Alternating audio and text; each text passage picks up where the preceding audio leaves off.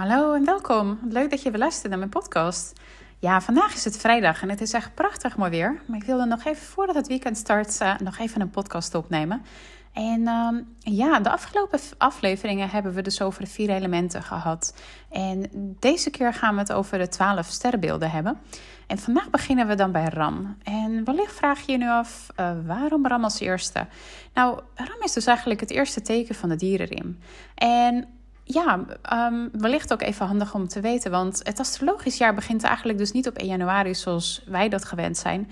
Maar het begint juist eigenlijk met de lente. En dus de lente, dat is op 21 maart. En dat is tegelijkertijd ook de lente-equinox. Dus wanneer de dagen eigenlijk net zo lang duren als de nachten. En nou ja, dat is dus op 21 maart. En dan begint uh, Ram. Maar goed, um, even een paar feiten over Ram. Dus als je geboren bent tussen 21 maart en 19 april, dan is je zonneteken Ram. En um, ik weet niet of het je wellicht opgevallen is, maar uh, het tekentje van Ram zijn eigenlijk de ja, horens. Dus dat zijn de horens van Ram. En Ram is een vuurteken. De modaliteit van dit element is dan ook kardinaal. Kardinaal betekent eigenlijk dat iets nieuws start. Uh, nou ja, in dit geval luidt het eigenlijk een nieuw seizoen in, de lente. En uh, Ram wordt geheerst door de planeet Mars. Ik ga nog in uh, andere afleveringen ga ik het uitgebreid over de planeten hebben. Maar in het kort uh, gaat Mars eigenlijk over de, ja, de mannelijke energie. Hoe we actie ondernemen.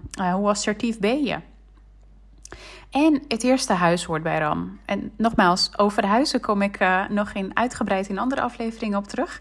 Um, maar dan heb je nu alvast over het eerste, over de huizen gehoord.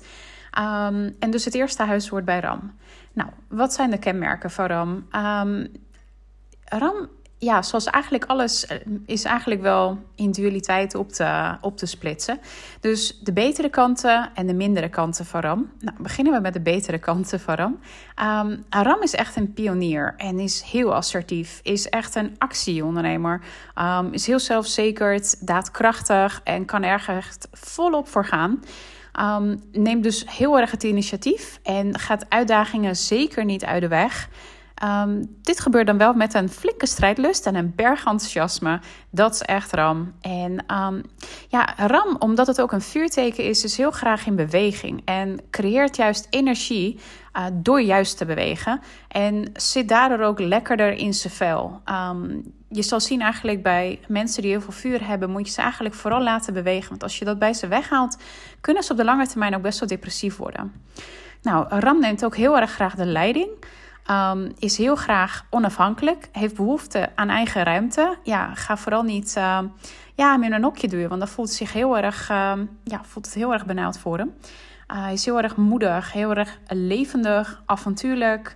Stapt heel makkelijk uit zijn comfortzone. Ik zou willen dat ik dat veel makkelijker kan doen. Is heel temperamentvol en heel passievol. Ja, dus dit is eigenlijk in het kort uh, de betere kanten van Ram. En ja, de mindere kanten van Ram, dus op een mindere dag. Um, Ram kan ook best wel impulsief zijn. Um, is best bazig. Uh, kan ook best wel een kort loontje hebben.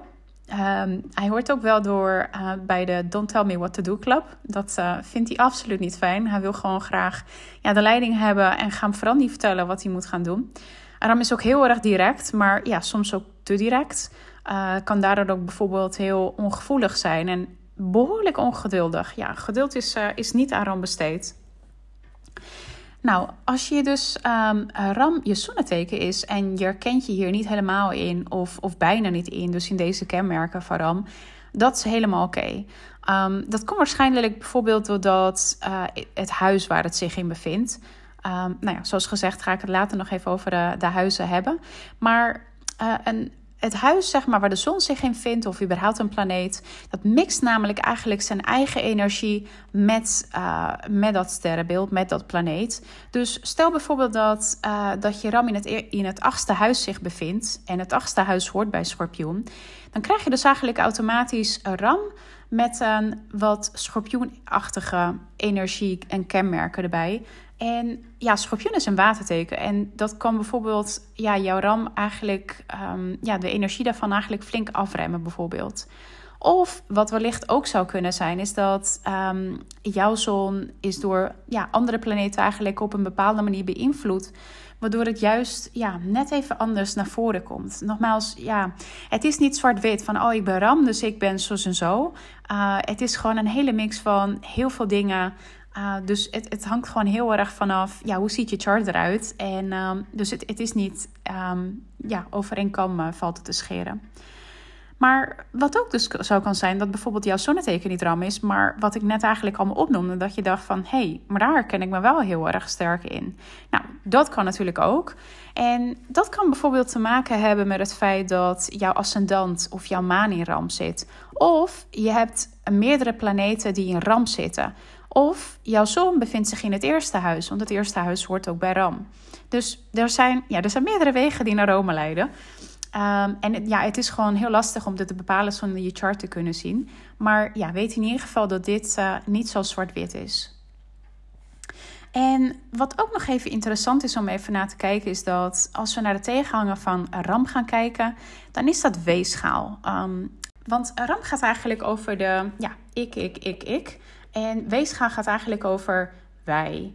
En het grappige is, ik herkende me juist helemaal niet zo in ram. Maar dat komt um, als ik naar mijn eigen chart kijk, is dat um, ja, eigenlijk mag, uh, ja, mag dit is dit mijn levenpad. En dat, dat is de, mijn levenpad heet dus ook de Noordnood. Dus waar ik in het leven naartoe mag groeien.